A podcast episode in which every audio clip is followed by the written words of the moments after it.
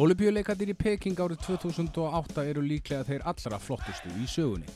Við fengum heimsmitt frá spretthlauparanum Usain Bolt, Michael Phelps vann 8 gullverlun og setti 7 heimsmitt á leikonum.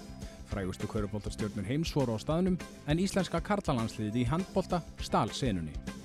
Liðið komst alla leið í úslita leikin, mætti þar frökkum og fekk að lókum silfur.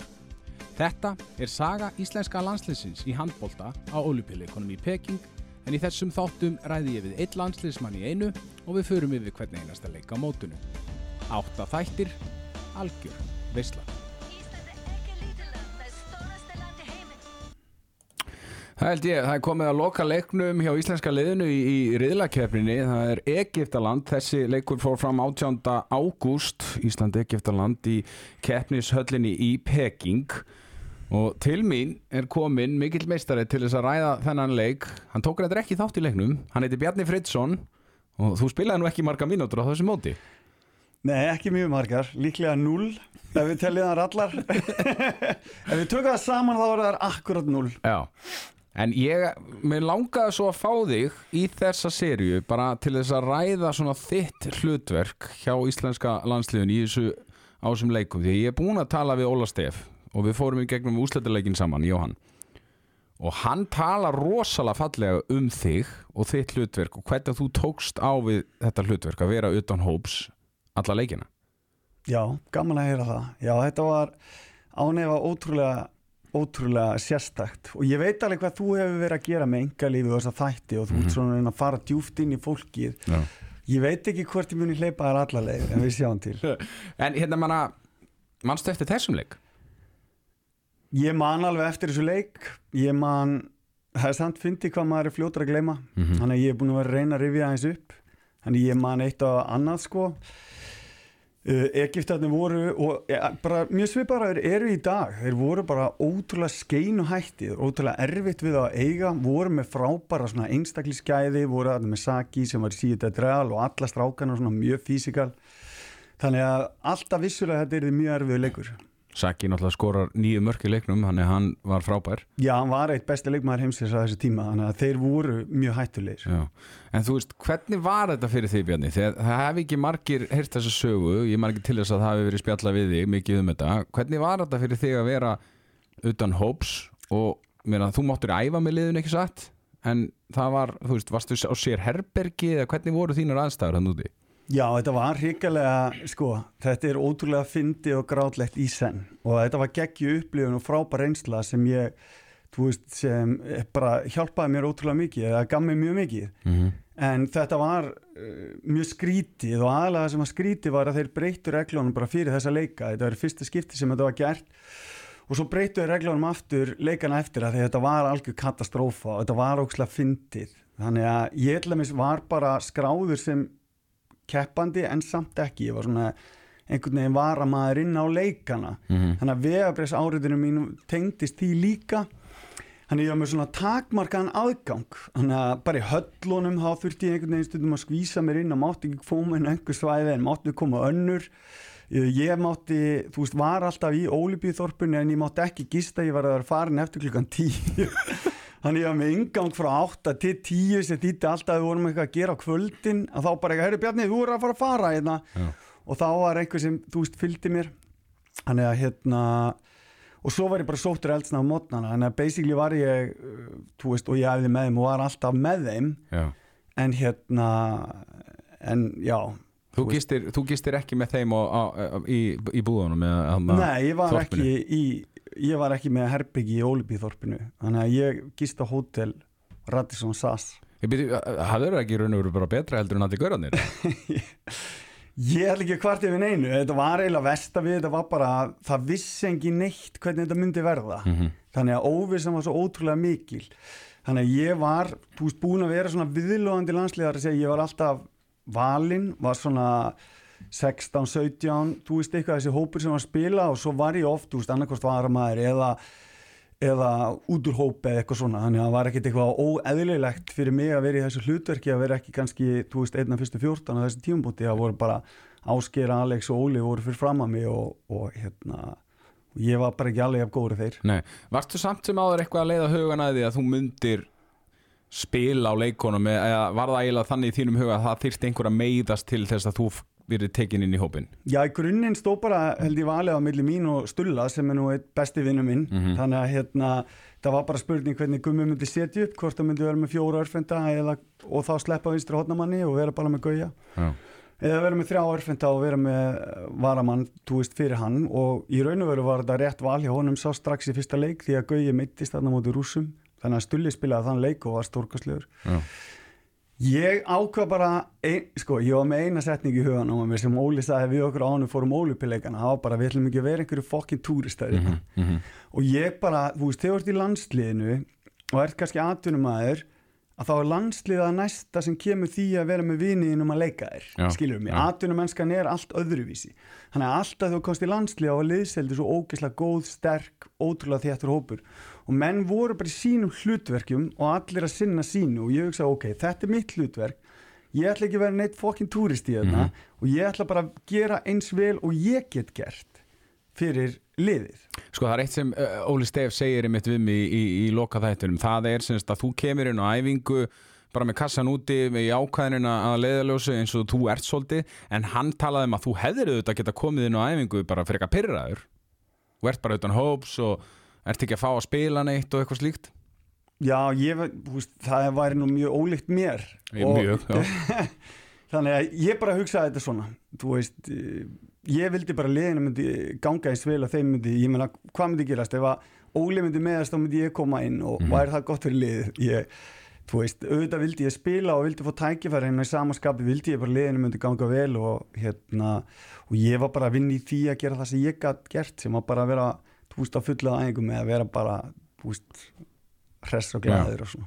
En þetta er svona, þetta er 2008 þarna er ekkit komið sko allir þessi samfélagsmiðlar og þú kannski svona gista einnarna á Radisson SAS hóteli í Kína Já. hvað varst að gera, þú veist, þegar þinn útivista tími það var komið að honum og, og, og þú þurftir að pilla þér heim Já, ég meina þá fór ég nú bara, þetta var nú yfirleitt svo seint, skilur, ég var, þú veist, fór bara, þú veist, með seinasta lægi því ég vildi náttúrulega bara vera með strákunum og vera í fýblaláðunum upp á hótelþorpinu og, og allt, allt það sko, þannig að svo fór ég yfirleitt bara eitthvað og við fundum eitthvað taxa og svo var ég bara komin heim og þú veist, svo fór ég yfirleitt bara, eða þú veist, ég fór bara að sofa, skilur, Já. eða horfa á einhverja þætti það var ekkit, þetta var ekkit eitthvað ótrúlega það, ég hefði alveg getað gert eins og Agnarsmári, verið með eitthvað svona live stream og verið eitthvað einn á okkur hótel, en það var reyndar ekki líkt mér en, en hérna, já En að, að sko, við ætlum aðeins að fara yfir hann fyrri háleik, Egipta lengi vel, fyrri, lengi vel yfir í fyrri háleik og,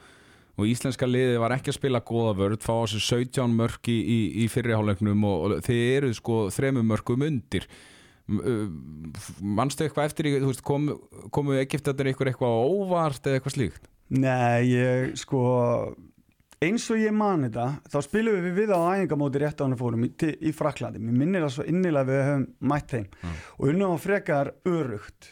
Uh, sko ég ætla að fara í þetta podcast með sko góð saga aldrei gilda fyrir sannleika þannig við skulum bara segja þetta eins og þetta og, og þá bara verður að hafa það. Þannig að við vorum náttúrulega með tölvöða sterkar lið. Ég var ræðið þetta við hreyðar, var aðeins að spyrja og, og, hann, og hún leið svolítið eins og leikurinn hafi verið mjög snemma Já, sem að hérna, svipa á það var Suður svolítið þannig. Kóru leikurinn Já. sem var alveg eld snemma. Menn bara búin að snúa kannski sólurignum aðeins við og eitthvað, en þeir voru, þeir voru svo ógislega kröftugir, voru svo ógislega kvikir, uh, það var erfitt við að eiga á maður á mann, þannig að hérna, það kom ekkit óvart að þetta var erfiðu leikur og að þeir skildi hafa kert á okkur svolítið í byrjun. mm Sko, já, eins og ég segi, staðan 17-14 í háluleiknum, Egiptirnir þremur mörkum yfir, sko fyrir þennan leik þá er það ljóst að íslenska landsliðið er komið í áttalega úrslitin en mótherrin skiptir náttúrulega máli hvar þú lendir í riðlunum þannig að Ísland þurfti svolítið að fá eitthvað út úr þessum leik, vinna eða stig. Já, til þess að sleppa við ákveði lið sem þið áttu eftir að smæta síðan síðar meir. Herri, en við ætlum aðeins að brjóta þetta upp, sko. já, ok. ok. Nei, þú ætlar, já, Ég ætla aðeins að brjóta þetta upp, ég ætla að fara aðeins núna yfir í, ég ætla aðeins að halda áfram með leikana sjálfa því þetta er Já. náttúrulega um einhverju magnuðustu olimpíuleikar sem hafa verið haldnir aha, í sögunni. aha. Fannst þú fyrir þessari uh, ótrúlegu orku sem var í gangi þarna?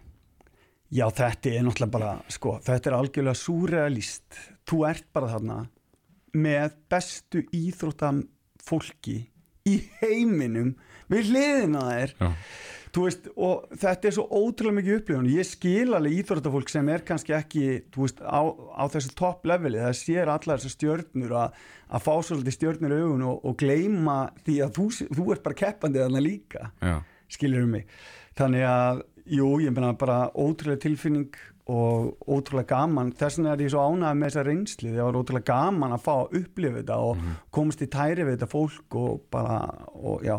Sko nú áttu náttúrulega börn sjálfur, ég meina, ertu að segja þeim einhverjar svona hetjusögur að því þegar þú hittir eitthvað þessum NBA-stjórnum eða, eða Bolt eða Michael Phelps eða eitthvað slíkt?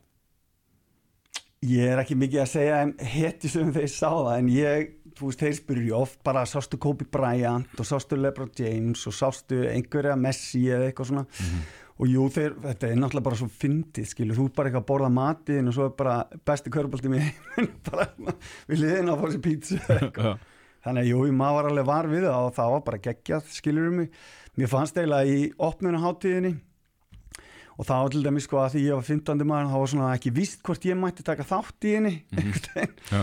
Svo mátti ég að taka þátt í henni og við vorum einhverju ullar jakkaföti sem voru allt og hitt og vorum að deyja.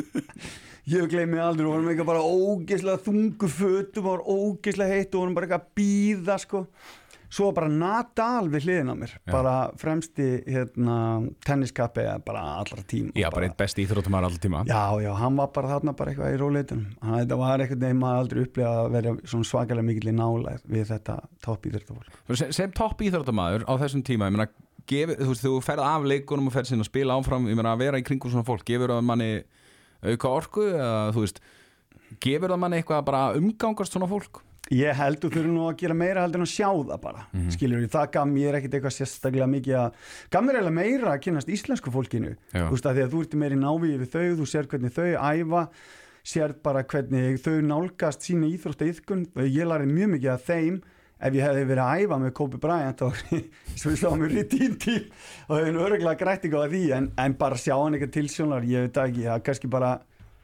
það er meira bara svona gaman skiljur Já, en sko, einhver svona, ég spyr allavega að þessu því að þið, þið eru þarna helviti lengi að núti í, í Peking, ég meina einhvað sem þú lendir í á leikonum sem kannski fólk hefur ekki heyrt og einhver svona skemmtileg saga sem kannski hlustendur hefðu gaman að, að, að heyra Já sko, það er eitt smá fyndið Mhm. af því að ég var þessi 15. maður og eitt af því sem var ég hef ekki fullan aðganga matar tjaldinu, mm skilur mig. Þannig að það var bara matur og menn löpuðu bara inn og út og okkur svona. Og ég, andri sem er núna held ég framkvæmstjóri í síða eitthvað, létt mig alltaf fá okkur að mata með það Já. þannig ég var bara með eitthvað svona mata með þessu skólabann og, og ég fekk bara eitthvað 20 miða eða eitthvað skilur mig. Og ég nefndi ekki að vera alltaf eitthvað að pöngast í honum og ég vissi ekki heldur alltaf hvað hann- þannig ég byrjaði svona að reyna að svindla mér inn í matastæld til að fara sparlega með miðana. Þannig ég læriði svona smá kingvesku að því alltaf því ég sagði eitthvað góðan daginn og bla bla bla þá neyðu þér, þú veist, þeir sem voru að taka þannig að kíkti ekkert á spjall það var mjög fyndið. Svo lendu við því líka að fyrir, ég held að fyrir, fyrir þennan Egiptaleik að þá var Reyðar ekki búin að spila það mikið og það var eitt sem Reyðar var búin að venja sér svona á sko.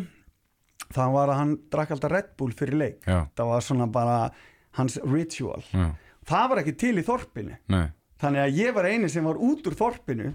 Þannig ég fór eitthvað eitt, eitt kvöldi þegar ég kem tilbaka fer ég einhverja endalus leita að einhverju matvöru vestlunum og þvælast út úr Peking til að finna Red Bull sem ég síðan fann fyrir hennar Egiptaleik Já. þannig að þetta var svona já, við höfum eftir að koma að því á eftir því að reyðar Já. lefi kemur heldur betur við sögu í, í, í þessum leik en ef þú lítur yfir svona tilbaka yfir þinn landsliðsferil Já. ertu, ertu stoltur á hann og ánæði með hann? Já, ég er ótrúlega stoltur að hafa verið valin í landslið og ég spilaði eitthvað rétt undir 50 landsleiki en ég var tölur meira í landsliðinu en það því ég var oft svona næstu því. Já, já, já, En sko ég er með svona námskeið sem heitir verðt óstöðandi og þá er ég að kenna íþróttafólki að hámarka sína möguleika.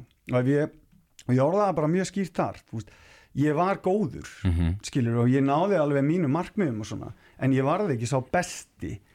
Þannig að veist, það er kannski það sem ég ég er alveg sáttur og mjög stoltur en ég hefði alveg vilja verða betri og ná aðeins lengra. Þetta er náttúrulega ofbóðslega vel mannað landslið sérstaklega hægra megin. Þannig að það er kannski alls ekki neitt til að skammast sín fyrir að hafa spilað rétt undir 50 landslíki nei, ég meina, þetta var bara stórkoslegt þetta var ógeðslega gaman líka og þú lærði svo mikið. Er að fá að vera þjálfaðir af nokkrum af bestu þjálfurum bara í heiminum og spila með nokkrum af bestu leikmönum í heiminum, þetta er bara geggja Já, skilur já, þannig að þú veist bara stoltur og ánæður en, en auðvitað hefði maður vilja vera betri. Já, heldur betur. En, en sko á þínum ferli hér á innanlands spilar hún alltaf með IR, FH og Akureyri? Já, Þú byrjar náttúrulega með IR það sem þú ert alin upp. Hvernig, ég menna, yngri flokka leikmaður varstu? Varstu, varstu hotnamaður eða varstu fyrir utan? já ég var skitta þannig ég var alltaf skitta ég var líki skitt í öllum úlíkalandsliðum og allt svoleið sko. Þannig að uh, svo færist ég svolítið í hotnið þegar ég er að koma upp í meistralblokk ég var svona flinkur grannur. Mhm. Svona, svona klóku leikmaður með mikið leikskilning og svona. Þannig að það var svona minn styrkleiki. Og svo þegar ég kem upp í meistralblokkin og vantar svolítið kjött Já, þá byrja með að ég að vera fleiðin í hotni en svo er ég svona allan tíman svona eitthvað hot skitta, svona eitthvað vesina sérstaklega hérna heima spila mikið skittu. Já. Svo fer, þú fer náttúrulega í atvinnum frá íringum en, en, en þú spilar líka fyrir FH Já, ég kem hérna heim þegar ég er búin að vera tæp fjögur ár úti í Fraklandi Já, þá kem ég heim bara í hrunið mm sem var frábær reynsla. Gaman að koma bara af rifiríinu og beint bara í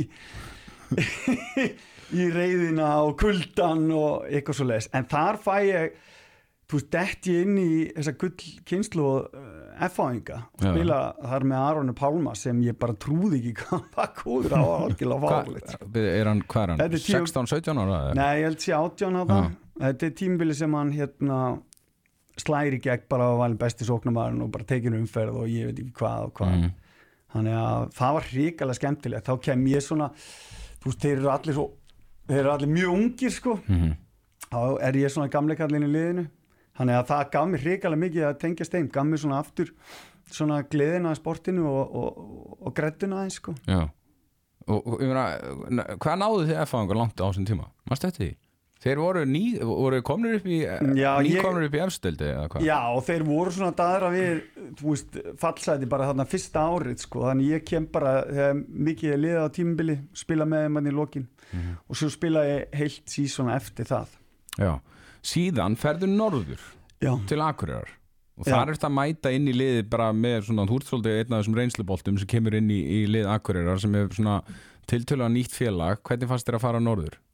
mér fannst það stórkostlegt og þessi tvö fyrsta ári mín á Akureyri er eiginlega bara svona hamgsu sumsta ár sem ég var bara, þarna fer ég líka með tvö börn og við erum hérna bara, veist, með unga fjölskyldu Mhm. og þetta var bara eitt af, mér, mér langa alltaf að búa út á landi, það var alltaf draumur á mér, þannig að þetta var bara algjörlega stórkostlegt og ég, þú veist, Akureyringa tóku svo vel að móta okkur og ég fjall einhvern veginn beint, eða við bara fjölskyldan beint inn í bara hópin Mm og hérna og þar voru reynda margi leikmenn á mínu reiki svona og við náðum ótrúlega vel saman og hérna og upplifum alveg geggjaða tíma. Já, þið meina þið eru verið deildamestarar, er það ekki? Jú, við verðum deildamistrar, við fyrir líki byggarúslit og hérna úslit ein við þeim mitt á móti FH sem ég hafi spilað með á árinu áður Já. hann er hérna bara geggjaða tími, bara hrikalega skemmtilegt. Hvað finnst þér um sko, þessi lið út á landi, það er alveg vesen fyrir þau að, að að ná sér í leikmenn, oft á tíðum. Já, Þarna kemur þú á besta aldri, já. þetta byrjar að spila þarna hjá Akureyri. Finnst þér leikmenn ættu að taka slægin miklu meira, að fara til Vestmanna eða, eða fara til Akureyrar eða núna í, í efstu del til, jafnvel til Ísafjörðar? Já, sko ég held að hver og eitt verður bara að taka ákverðu fyrir sjálfa sig, þetta er allavega frábæra einsla og þetta er gott tækifæri og þetta er líka góður undirbúningu fyrir andunum en sko messi að þú ert ungur Mm -hmm. skilur, það er æðislegt að búa þarna með, þú veist, ungböld fattar mig út á Mhm. landi, það er bara stórkostlegt. Ég hugsaði þessi hverki annars það betur að vera. Að því að lífið þitt snýst bara um vinnuna eina eða handboltan og svo börniðin, Mhm. skilur mig. En svo er þetta líka gott fyrir unga leikmenn að því að fara í atvinnum sko, er erfitt, sérstaklega til að byrja með fyrir eiginlega alla, þú veist, þú mun þurfa að standa í fótum og allt það. Mhm. þannig að það er líka góður undirbúningu fyrir það að vera aðeins út á landi. Já, en hjá Akureyri þarna byrjar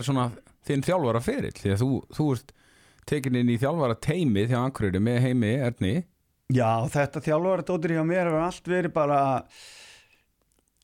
bara einhvern veginn gest sko. Það hefur aldrei verið eitthvað sem ég langar að gera að vera þjálfari þannig séð, það hefur ekkert verið neitt draumur eða metnaður eða neitt svona bak við það að verða þjálfari, bara metnaður að standa sig eins og vel um að getur um að koma inn í verkefni. Mhm. en við vorum sem sé, ég var búin að vera að sjá um leikreiningunum fyrir akkurir áðan ég tek við hérna, þjálfaratjópinu þannig við ákveðum bara að ég myndi stýra því áfram og heimur myndi sjá um bara svona daglegan uh, rekstur, þar að segja bara stjórnun í leikjum, stjórnun á æfingum og svo leiðis.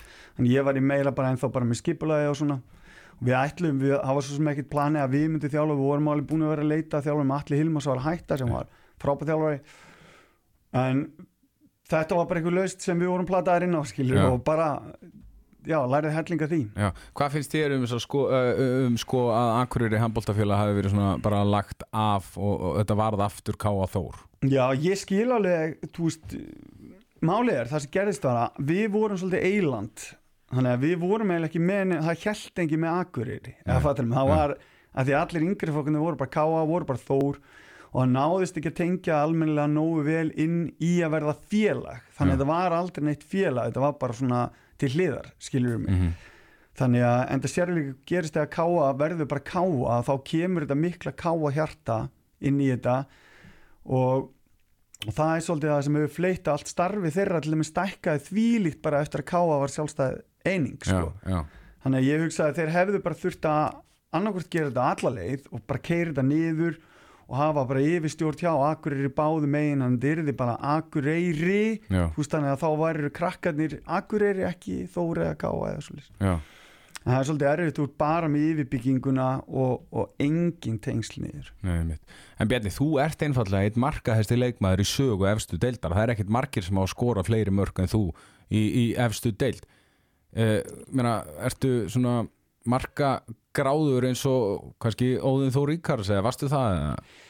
Ég sko, Aron Pálma seldi því fram. Hann á samt skotmyndi í Kaplagríka, þannig að ég veit ekki alveg, já, nei, ég sem sé, þetta er mjög eiginlega, þetta er smá svona skrítið, sko. Af því að þegar ég var yngri, þá var ég vissulega alltaf gaman að skora á svona, en það var ekkit eitthvað, ég var ekki mikið að pæla í því að skora eitthvað sérstaklega mikið að mörgum.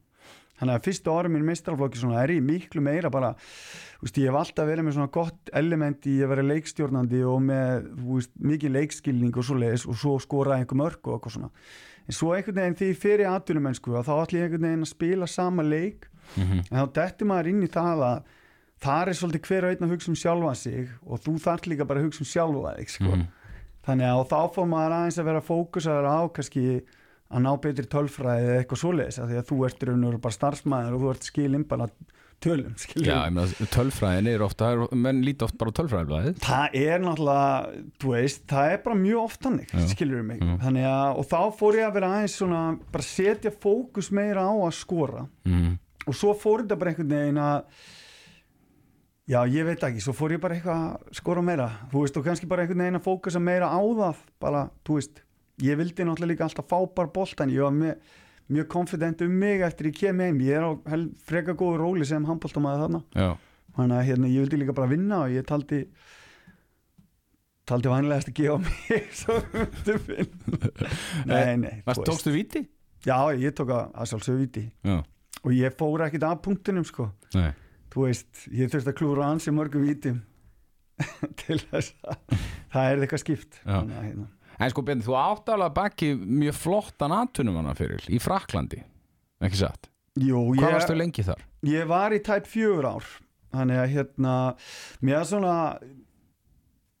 það kom mér ótrúlega mikið óvart hversu margir góðir handbóltamenn eru til Já, skilur, við erum að sjá kannski eins og valið núna í Evrópakefninu er að spjara sér ótrúlega vel og svona og hugsa, já, ok þú veist hvað þeir töfum á móti X sem er eitt af toppliðunum í Fraklandi og þú hugsa kannski, wow, þú veist, ég meina þá get ég léttilega svo, það er, hún er bara svo jöfn Mhm. það er bara svo ótrúlega margi góði leikmenn þannig að uh, það kom mér mikið óvart en ég, það tók mig alveg þrjá mánu allavega, þú veist, alveg fyrir jóla að bara svona aðlaðast og aðeins að bara wow, ok, skilur mig Mhm. en þetta var þvílið tækifæri að gera mig betri af því að maður verður bara þegar maður lendir í þessum aðstæðum úr komið level upp þá þarf þú líka bara að levela það upp sko. já, já. og þess vegna bæta mennsi svo mikið í atvinnumennskuna því að þar er bara miklu meiri samkefni Mhm. og þá þarftu bara að leggja harðar að þér og þá þarftu bara að sína betri framistuðu þannig að hérna og ég gerði það og ég fyrsta árið þá dettum við út í undanúslutum í hérna Evrópkefninni höfum annars lendið myndum mútið Lemko þegar Lógi og Áskir eruðu Evrópmeistarar Já, töpuðum með á marki útöðla mútið Göppingen já, sem var hérna sem var sturglu upplifun sko, hafa geðu veikir leikir. Ég man ég skoraði einhver tíu mörg eða eitthvað í undan, undanúsluleiknum heima. Mhm, og þá svona virkilega náði ég mér á ról þar. Setna ári mitt í þessi fyrra liði þá, Hvað leið var það? þá var Kretei það er í París, svona útkværi Parísar. Og mm. alltaf ótrúlega tækifæri að fá að búa í París sko, mm. geðveikt við bara þarna ungkjónin og svona.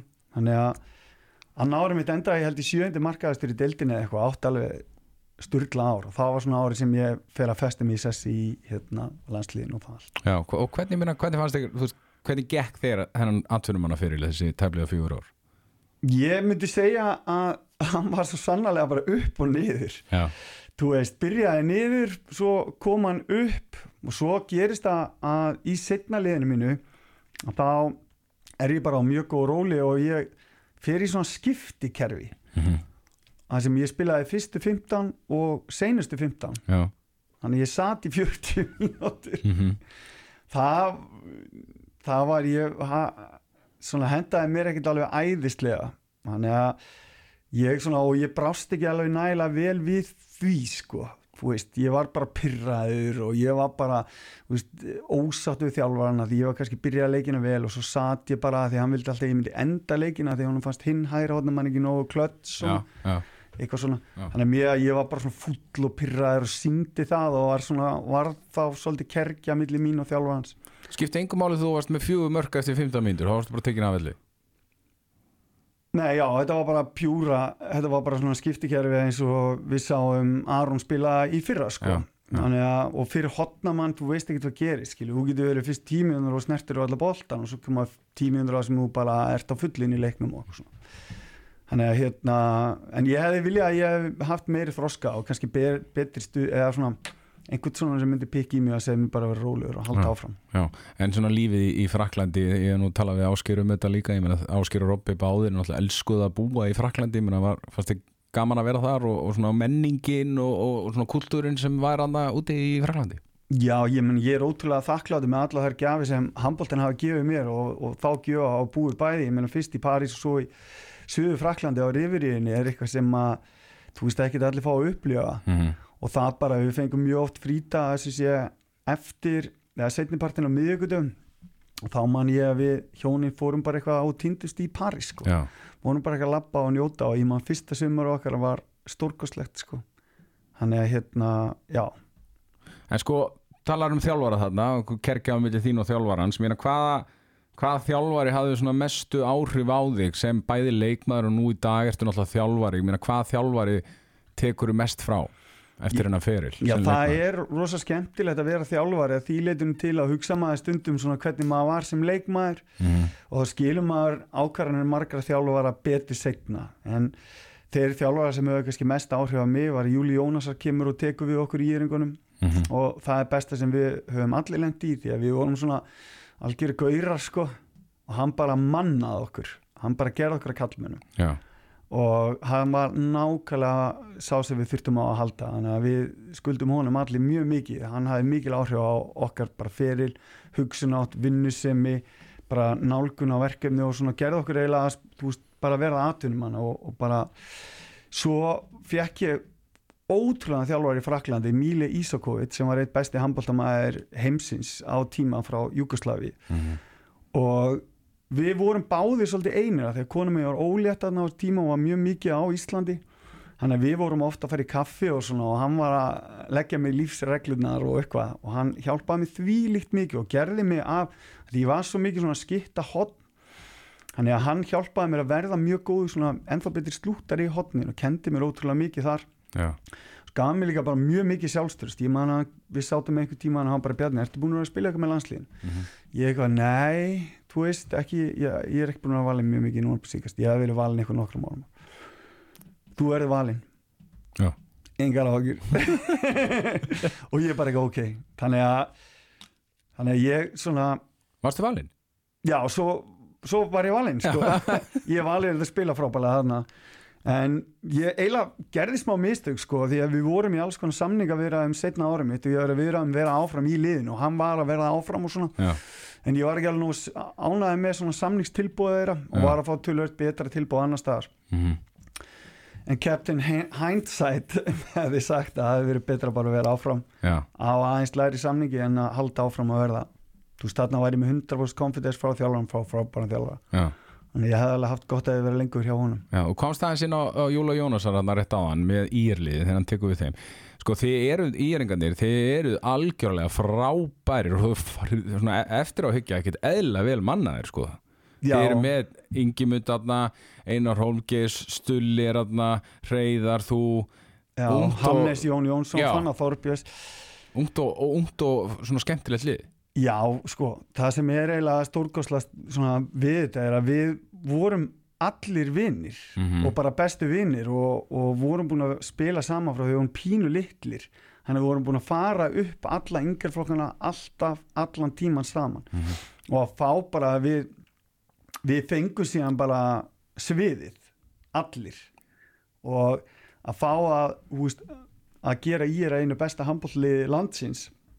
Bara allir saman og allir réttu leiðina skilur um mig, Já, bara gegnum yngjörflokkana ungu íenningarnir heima í okkur með fólkinu okkar það var bara, þú veist, það var bara geggjað já. Mér rámar í eitthvað, eitthvað innvíð á móti valsmönnum þegar þið eru að spila í gamla, gamla hlýðarenda, ég manið ekki, ég er bara að reyna að muna þetta núna sko, þeir eru komin svolítið langt í úrslæðakemninni minni mig. Jú, við, þú veist það var bara svolítið fyndið, við vorum mjög kokki og Já. ég tala oft um þetta við erum að koma þarna upp, við erum alltaf búin að vera oft Íslandsmeistar og okkur svona og við, okkur fannst við bara miklu betra en allir hinn sko. Já, já, já, þannig við vorum að spila oft á móti þú veist, hinliðin kannski eins og Valur Haukar voru með þessa eldri reynslu meiri og svo ungu, en við vorum eiginlega bara ungir sko. já, en við vorum bara svo ótrúlega confident og bara, þú veist, já okkur fannst við bara að vera bestir og eiga að vinna alltaf. Að, Þið eru bara á þessum aldri, við, við hefum verið að fjalla um korparsveitana hjá Val, Já, en- eru bara þessum aldri. já, ég verð er held ég eitthvað 21 árs eða 20 ára eða eitthvað, þá er ég bara fyrirliðin 21 árs, já. Þannig að, jú, svolítið þannig, skilur mig. Þannig að hérna já, við Já. náum líka í fyrsta titil sem ég er hafði unnið ever og það var þú veist, ég var ekki alveg með þessa sögu þú veist, þannig að var einhvern veginn, ég hugsa skrefi fyrir okkur að ná þessum stóra titli var í raun og veru tölulega starra heldur en fyrir aðra sem eru svona búin að vera einhvern veginn svona grúmaðir inn í það mm Ég ætlaði með að spyrja þig næsta Eftirminnilegasti leikurinn sem þú er spilað með félagslið Er það þessi byggarúslega leikur með ír? Eða? Já, ef við ekki bara segja það? Ég veit ekki, þetta er svo langu tíma þetta er svo margi leikir, örgulega ef ég myndi hugsa eitthvað aðeins, en bara að vinna hennar fyrsta titil fyrir ég er, þetta var bara við ætluðum okkur þetta, við vorum Mhm. bara að tala um þetta svo ógeðslega lengi og svo bara gerðum við þetta. Og það var bara, já, eiginlega smá ólýsanlegt sko. Já, eftir svona langan feril Ég spyr Ásker Örna þessu núna á dögunum út í skrokkin á honum Já, sem er ekki, staðan á honum er ekki góð nei, eftir feril sem handbóltamaður uh, Hvernig er þú? ég er bara Já, sko, já. Ég bara mætti borða minna súkulega En þú ert ekkert með st- einhver svona stóðkerfis vandamál eftir feril sem svona uh, handbóltamaður á, á mjög háu leveli? Nei, ég sko, þú veist, ég er með eitthvað, það er eitthvað vesin í smá í mjöminni og eitthvað í, hérna, ég er enda að reyf kálvan mjög oft, sko, þannig ég, ég man eftir einu, þá var ég að fara út að hlaupa, svona ringur í sjálfleikarinu, sko, og ég var búin að hljópa, hlaupa eitt fjórða því ég reyf kálvan upp aftur og var að ringi kona mín og hún var að sækja mig, að ég netti ekki að lappa tilbaka, þetta er svona, þú veist, það er bara eitthvað svona skilur um mig, að, en bara svona day to day, allt í góðu, sko. Já, sko, förum aðeins aftur í leikin gegn Egiptum því að þeir sko komast 27-23 yfir í setna áleik íslenska liði fer þá að, svolítið í gang jafna 27-27 og það svolítið jafnræði á með liðunum út leikin eh, þarna kemur vinnuðin við sögur, Hreiðar Levi og byrjar að vel, verja mjög vel á mjög svona, mikilvægum augnabliki mannst eftir því? Nei ég, ég ringdi hann á hann held að hann hafi byrjað leikin þannig að ég svona hérna Ég man bara, það sem er fyndnast að við þetta er eiginlega bara það að ég fór og keipti hennar Red Bull fyrir hann Já. held alveg pottitt fyrir þennan leik og Já. þá var hann með hann og svo á hann stjörnuleik eða stjörnin komið eða eitthvað svona og skilar þessu mikilvæg stíi er það ekki fyrir jú. sko. þannig að hérna það var bara það var bara það sem stendur upp úr. En Reyðar Levi sem landslýsmaður hann kemur okkur raun og veru á þessa leika á móti uh, svíjum í, í svona umspilið um að komast á olíubileikana og hann alveg geggjaða framistöðu Já, og á oft, oft uh, ég veit til þess að- margirlega íslenski landslýsmenn er, þeir bara, þú veist, þeir elsku að hafa Reyðar Levi oft í markinu því hann var verja oft á tíðum frábærlega. Hvernig, ég meina, þú þekkir hann ótrúlega vel. Hvernig típa er þetta? Það sem er samt ef við tökum það að það er ótrúlega spennandi að, eða svona gaman ég veit ekki hvort þið eru búin að koma inn á í þáttunum með Björgum Páli eða hvernig er húst, markmanns hérna, teimið vart skipað Já. voru þið búin að ræða það eitthvað? Ég rætti að við Björgum Pál, sko, hann náttúrulega fyrsti gesturinn minn og hann var svona kemur Nei, inn rætti hvernig Birkir datt út úr landsliðinu, var það rættið? Já, sko, ég, nei, ég, bæði Gummi og Bjöggi rifjaði upp með mér að það hafi allan verið mjög umdelt ákvörun að taka Bjögga inn í landsliði. Það, ég skal bara segja þess að það var. Mm -hmm. að máli er að Birkir slasast í fótbolt í uppbytun var ekki búin að Nei, ræða það? nei, ekki neitt. sem var sko ástæðan fyrir að Björgvin fær tækifærið. Af því að Ok. Birkir var raun og veru markmann nummer eitt og Björgvin var bara þú veist, utan hóps í undakeppnin eins og ég sko. Veist, við sátum bara og horfðum í Pólandi sko. Já, þannig að hérna Birkir var svolítið hérna á fullu í hérna fótboltanum. Já, og hann slasaðist aðeins, hann klestist upp í hérna, saminni við æðum alltaf þar já. hann klestist upp í grindverki í einhverju tæklingu eða eitthvað Ég hef aldrei heyrt þetta. Nei, bara ekkert að Nei. En þetta er nefnilega, og svona, eru, svona gerast hlutinir, þetta er svo sko, þú veist, þetta er svo merkilegt hvernig eitthvað gerist sem verður að einhverju geggiði, skiljum mig Já, þannig að á allt í einu bara Björgvin dettur inn í hópin, spilar hann að spánaleik verður geggjaður og þá tekur gummi þessa kjörkuðu ákvörðin mm að hann bara eitthvað, heyrði, þú veist, kýlum á þetta. Já, og hérna og svo allt í einu verður Björgvin þá bara þú veist, reyðar byrjar móti en ég held að Björgvin tekur síðan bara sæti en reyðar á síðan mjög mikilvægur innkomur inn í mótinu. Mm reyðar var bara í grunn ótrúlega góðu markmaður. Ótrúlega góða staðsetningar geggjaður að lesa leikin Mhm. ótrúlega sterkar stöður og svona og hérna það var svona algjörlega hans styrkleiki sko. Mhm. hvernig típa er hann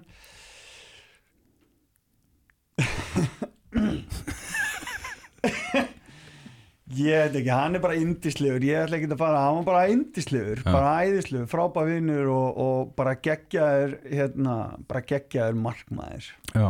Sko, leikurinn enda 32-32, Snorri Steinn jafnar metin úr vítakasti, eitthvað sem hann gerði líka á móti dönunum í, í leiknum á undan, Snorri Steinn, þetta er svona merkileg típa, stáltögur er alltaf tilbúin að taka þessi þessar, e, e, þessar erfiðu, sko, erfiðu skot í, klöts. Já, algjörlega, ég er náttúrulega sko Snorri er einur yngri við og við vorum mjög mikið að klást við valsarn á yngri flokkunum og svona. Þannig ég þekkti hann bara, ég spila á mótunum með hann bara frá því við vorum pínu pínu litlir. Það sem að Snorri hefur er að hann er í svo góðu jafnvægi. Mm skilur mig, hann er ekkert að sveiplast mjög mikið hátt heldur, þú sér hann ekkert eitthvað missa stjórna skapi sínu og hann sé alveg með skap og Já. hann er bara sjúklega einbyttur, hann var bara uh, já, í góðu jafnvægi hann er að, veist, með góðan fókus alltaf á það sem að vera að gera hrikalega klókur. Mhm. hann er er akkurat svona fullkomið típa til að taka eitthvað klöts. Sko, voru þið íringarnir alltaf að spila svona þessa stæðstu leiki í yngri flokkunum og upp alla yngri flokkuna við einmitt um Snorra Markus og, og Bjarka og þá í val, voru þetta svona tvö bestu liðin? já, káa líka. Mm Komu þeir að þér á óvart að til að mynda Snorri Steinn myndi ná svona langt og sennilega besti leikstjóndandi Íslandsögunar? Nei, alls ekki sko, hann var bara með þann fókusin from the get-go sko og Já. hann var bara mjög fókusar á sitt bara svona kraft, bara að verða eins góður handbóltamæður og hann gæti orði þannig að maður sá alveg svona fram þróunina hjá hann bara jæmt og þjætt Já. allan tíman sko Já. Og nú er hann að gera fína hluti í, í, sko, í þjálfarastarfi. Er það eitthvað sem svona, þú sást gerast bara? Já, mér, mér hefur alveg fundist það mjög eðlileg þróun því að þú ert með eitthvað sem að veist, hann er líka, hefur alltaf verið með mjög mikið sjálfstrust Mm -hmm. skilur mig, hann kemur hérna og þá er hann ekki byrjar að þjálfa og kemur, ég man eftir að við tala við hann ekkert og þá er hann að tala við Steven og þá strákana skilur mig, Arnór og einhverja 2000 árgangun, hann segir bara eftir þrjú ári eða eitthvað, þá kem ég í val þá ætlum ég að þjálfa ykkur Já. við verum Íslandsmeistarar og við erum að fara skilur mig, hann er maður vissalega hann var lungubiljara planið og þetta var bara svona rökrétt skref fyrir hann. Hins vegar fyrst mér að hann hafa sínt svona ég veit ekki, mér finnst hann sínt bara mér, ég hef verið mjög hrifin af því sem hann er að gera með val alveg svakalega, því að hefði verið ó, mjög auðvelt fyrir hann að vestla miklu fleiri leikmenn. Mhm. hann er raun og veru búin að vera ógeðslega trú sínu gildum og gildum vals sem er að búa til góða handbóltamenn og eitthvað sem valur að veri engett val mjög lengi, Já. skiljum að koma upp með góða leikmenn, en hann einhvern veginn hefur bara virkilega þóra að taka skrefið og láta á spila og gefa þeim tröst umfram aðra sem eru kannski herri prófílar eða eitthvað svo leiðis og svo er hann líka búin að þróa en hann geggja stíl sem ég er svo ótrúlega hrifin af. Þannig að hann hefur alveg komið með smá óvart bara með, með þessar nálgun sko. já. Sko besti leikmaður íslenska liðsins í þessum leik heitir Guðjón Valur Sigursson 10 mörg og 14 skotum. Hann er náttúrulega í hinu hotnunu öfugt við þig, ég menna eitt besti handbóltamaður okkar frá upphafi. Já, bara ekki spurning. Bara ert að grínast, hann er ótrúlegur sko. ótrúlegur. Ég man, ég var þegar ég var valandi í landsliði einhvern tíman og var ekki búin að vera í lengi fyrst þá kom maður bara inn í kúltúrin Já, bara svona menninguna og hugafar þessara atvinnumanna og meðal annars hans. Og það var bara, þú veist það kom kannski var eitthvað teigur og eitthvað og svo kemur eitthvað smá pása og þá dettur hann að taka eitthvað arbegur eða eitthvað.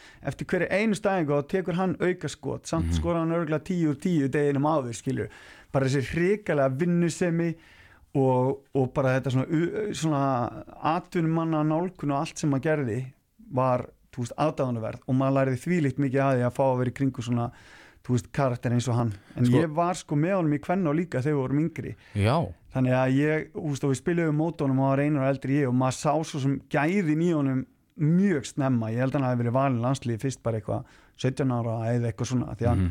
bjóði yfir þessum ótrúlega líkaflega eiginleikum sem hafa verið hans mesti styrkleik í handbóltanu sem er bara þessi hraði og, og stökkraftur og, og allt það sko. sko hann alltaf fer til Káa mjög ungur frá gróttu og er að spila eh, fyrir utan mikið til vinstramegin í vinstri skittinu Já, og er ágæðslega góður í, í efstu deild á Íslandi sko.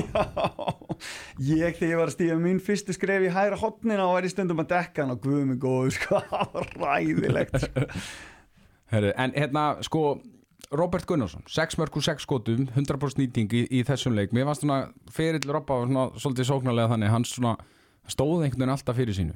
Já, við köllum að ríksöguna já, og hann bara bolti svoast bara að honum sko, og þetta er einhvern veginn alltaf í hendurnar á honum. Hann var alveg þú veist ég meina ég hann er allra líklega einn allra besti sóknarlínum sem við nokk tíman haft og, Já. og eins og ég hlusta hann á podcastið eitthvað fyrirlin hans er alltaf kekkjaði sko. Já, hvernig hann dettur inn í atvinnumennsku og verður síðan bara langbesti leikmaður deildarna og langbesti leikmaður basically dönsku deildarna eða verður markakongur og eitthvað svona. Já, þannig að hérna bara ótrúlega góðu leikmaður. Já. Hver var svona uh, kannski sem fólk svona gerir sér ekki grein fyrir núna. Hver var svona leiðtói liðsinn sem kannski uh, faldi sig aðeins, skilur, var svona límið í, í hópnum og, og var ekki Óli eða, eða, eða Snorri eða, eða Guðjón Valur þessi að fyrirliða típur, skilur, var einhver leikmaður sem svona þú svona fannst þeirra, þetta er svolítið límið?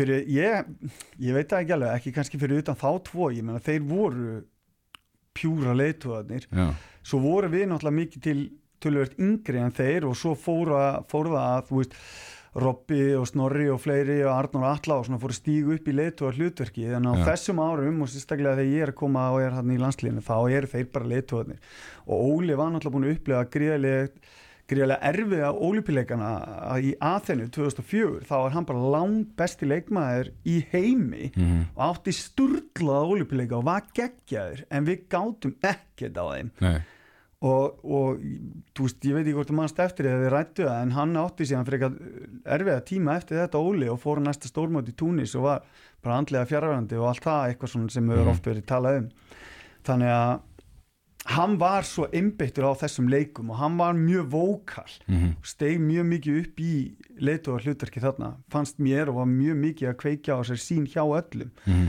en það sem gerist með líka þessa leika, er að, er að sko það verða allir þáttakendur Mhm. skilur mig. Þarna er, veist, Snorri og Robby og þú veist, Ásker og fleiri bara einhverjir Logi og Arnur og eitthvað. Þeir eru fara að verða svo góði leikmenn líka og eru komið með mikla reynslu þannig að þeir eru komið með miklu starra hlutverk inn í hópin og í raun og veru er þetta líklega liðið þar sem að flestir hafa tekið þátt í því að, þú veist, taka ábyrð að skipulegja, að koma með punkta og vídeofundinni voru oft bara mjög spjallsamir og, og mér fannst gummi gera mjög vel að þessu móti að það voru allir með hlutverk allir að taka þátt. En, en sko, Ólafur Stefánsson, ég er búin að fá hann innan eins og ég er búin að koma inn og ræða úslættilegin ég er bara, við, við kynna það, að hann kom hérna bara í júli í síðasta sumar. Ég var að skýta á mig úr stressi að tala við hann. Mér finnst þetta svo stór einhvern veginn karakter og besti handbóltamæður okkar allar í tíma, væntanlega. Já, bara þegar þú spila loka leikin sem einhver landsleik í tásaskóm og sko mér ég meina hvernig, ég meina þú hugsa tilbaka hafa bara spilað landsleiki með Ólafur Stefánssoni Jú, ég meina, mér, veistu það, fyrst þegar ég var valinn þá var hann alltaf bara besti leikmaður í heiminum og hann alltaf, veist, bara með geðveikar hotna sendingar, Já, þú veist og ég man að maður var alveg bara eitthvað ok svo þegar hann gefur það í hotni þá ert þú nú ekki að fara að klikka sko, þú verður að standa. Þannig auðvitað fyrst var þetta náttúrulega smá stressandi auðvitað, þú veist svo bara geggju típa frábær, frábær leitu og, og liðsmaður. Já. Sko þið náðu jafnteflið þarna við Egyptana og þetta stig skiptið opáslega miklu máli. Þið fáið pólverina í áttalega úrslutunum sem við förum í gegnum í næsta hætti með gumma gum og þið sleppið við frakkana. Meina, þetta var, þetta var hjút stig í raun og veru að sleppa við frakkana í áttalega úrslutum Já, ég meina það vildi engi keppa móti Fraklandi á þessum tíma. Þú veist, þeir voru bara ótrúlega góðir. Þeir voru bara leveli fyrir ofan alla. Einhvern veginn, Messia krótana sem voru þá búin að vera heimsmeistar og ólupimestrar árið eða svona áður en að frakkarnir tókuðu alveg að fóru að dominita þeir bara dominituðu alla. Já, Messi algjörlega toppliðin þannig að það leiði engum vel að spila mótið þeim akkurat þarna á þessu tímapunkti. Þannig að þetta skipti sköpum. Og þegar náttúrulega að tala um pólverðanleikina hann er kannski leifi, þú veist, fer ekki ómikið inn í hann en, en það var eitt sem gerist í undirbúningnum fyrir þann leik já, var að við spilum æfingarleika mótið á ólipíleikunum, þú sér það já, ég er búin að ræða þennan leik við gumma gum. Já, já, ok, og hann fer með þess að í þetta já, já, ok, ok. Það er mjög að skemmtileg saga. já, þetta er bara, og þetta er svona típisk gummi skilur við mig og þetta er eitthvað sem hann náði að gera svo ótrúlega vel. Hann er náttúrulega, þú veist hann, hann hugsar út í allt sko, Mhm. skilur, hann er svo fókusar og hann er alltaf að reyna að ná okkur advantage og hann er alltaf að reyna að leikarina eða, eða fá sér upplýsingar sem honum og, og þetta var svona eftir ekki, þetta voru bæði lið með sömu upplýsingar. Já. en held ég að okkar, okkar teimi að nýtt þær upplýsingar betur. Já, uh, sko, eftir leikana það vita náttúrulega allir hvernig þessi leikar fara, uh, silfur, medalja niðurstæðan og þú hvað, færið ekki medalju Já, það sem gerist er að sko fyrir áttalega úrslitin þá uh, eða, veist, við erum bara að preppa leikinum átti Pólandi og ég er bara búin að vera í þessu hlutverki í einhverja viku eða eitthvað, ég man það ekki alveg. Mm -hmm. Að þá er ég bara, herri Bjarni hérna getur þú talað eins við okkur? Og ég tala við eina þorvar og gumma gum og þá bara kemur í ljós að ég það bara fara heim. Já, að því að vísað mitt uh, þetta hlutverk sem ég var í myndi renna út eftir áttalega úrslitin. Mm þannig að þá er ég bara ólur í landinu eða eitthvað svona eða ólur í þáttakandi eða eitthvað svona bla já. Þannig að ég, þú veist ég, ég þurft bara að fara. Ég, Eh, Þú náður pólveruleiknum? Nei, Nei, þú þurftur að fara fyrir hann. Eh, ég, þú veist, flugið var bara eitthvað klukkan, eitthvað, skilur mig ég horfði á pólveruleikin hérna í góðum félagskap Já, með Ágústi Lækni og, og Gauta Gretti sjúkraþjálfara í hérna Þískalandi í millilendingu þannig að við bara eitthvað hérna horfðum á, það var reynda smá fyndið. Við vorum að fara sko. Þá fór ég með þeim tveimur. Og við vorum að fara í eitthvað flug og ég var ekkit búin að fara að vestla eða neitt skilu, ég vissi ekkit ég var að fara heim. Nei, aldrei. Og það var kannski svona ef það er eitthvað neikvægt við þetta það var bara þessi óvissa þú veist það var bara eitthvað, maður vissi ekkert hvernig þetta væri eða hvað myndi gerast næst skiljum en það var bara ekki, heyrðu, þú er að fara heim og þú ert bara að fara heim eftir fimm tíma eitthvað. Og ég var ekki þannig, ég var eitthvað í fríhöfninni og ég ætlaði að kaupa bara eitthvað handa konum eða eitthvað sem ekki myndi koma eitthvað heim mig, og þeir voru svo ógeðslega stressaðir. Þeir voru bara ekki, Bjarni, að flugurinn að fara. Ég bara, heyrðu, drífið ykkur brundan, ég næ ykkur. Mhm, svo bruna þeir í boarding og fara um borð í vélina. Svo kem ég bara einn af seinustu mönnum eða seinustu bara inn í flugul og þá var flugurinn full. Já, þannig að ég fór upp í business class og bömpaði þanga já, og satt bara í svona hægjenda stól og fekk bara svona heitt hangla yfir mig þegar ég var að sopna og geði eitthvað mat og svo, svo röldi ég aftur og kíkti það og þá sáttu þeir í einhver svona tróðningi miður í vélinn já En meina eftir að hyggja fannst þið leiðilegt að missa af þú veist þessum, þó að hafa verið fyrir utan að hópa og allt það, missa af áttalega undan úrslitunum og úrslitaleiknum svona Jú, ég menn það var glatað skilu ég ætla ekki að fara í grafgóti með það það var bara hundleðilegt, mm fattar það mig? Þannig að það, já, það var glatað. Hvar horfðið þú á úrslitaleikin? Ein... ég horfði bara heima á kólunum minni. Já, þannig að hérna, já. Og bara hérna, hlýtur að hafa mjög skrítin tilfinning að vera bara partur af hópnum og svo ertu bara komin allt, allt henni til Íslands og horfa á leikin bara í sjónvarpin Jú, það var smá skríti kannski aðeins fyrst sko, en svo var þetta bara það hugafær sem ég var með allan tíman í þessu, skiljum Mm. og ég hef alltaf reynda að nálgast bara allt sem ég gerir bara einhvern veginn svona, þú, Mm. þú tekur bara þú veist, geggja mikið ákvæmt út úr þessu og lærið þér ókslega mikið og þetta var frábær reynsla og upplifun og ég raun að vera bara stórkostlegt, skiljum Mm. mig og svo bara einhvern veginn fórum svona og þetta var ekkert einhver hluti sem ég gæti stjórna neitt sérstaklega mikið og þetta var að pínu högg þegar bara eitthvað, heyrðu, þú ert að fara heim og ég bara eitthvað, ok, bara what? en, en svo bara einhvern veginn, þú veist, stimplar þig bara inn aftur, bara ok, þetta er bara svona og þú veist, bara reynum að kaupa eitthvað í fríöfnin handa fjölskyldinu Já. og svo, þú veist ég meina, því er ekkert að vera eitthvað vorkina sér við þessu, sko Nei, nei, við erum fyrir svona æðislegt að tala við þig, fara yfir fyrirlinn og, og landsliðsfyrirlinn og, og olípuleikana þar sem þú varst, hvað, 15. maður? já, 15. maður Já. Það skýra hana þátt, 15. maðurinn geggjaður takk hérlega Herri, Bjarni, æðislegt að fá þig gaman að hérna, vera með þér inn í klukkutíma uh, og gleðileg jól, kallir minn já, sumulegist, takk hérlega fyrir mig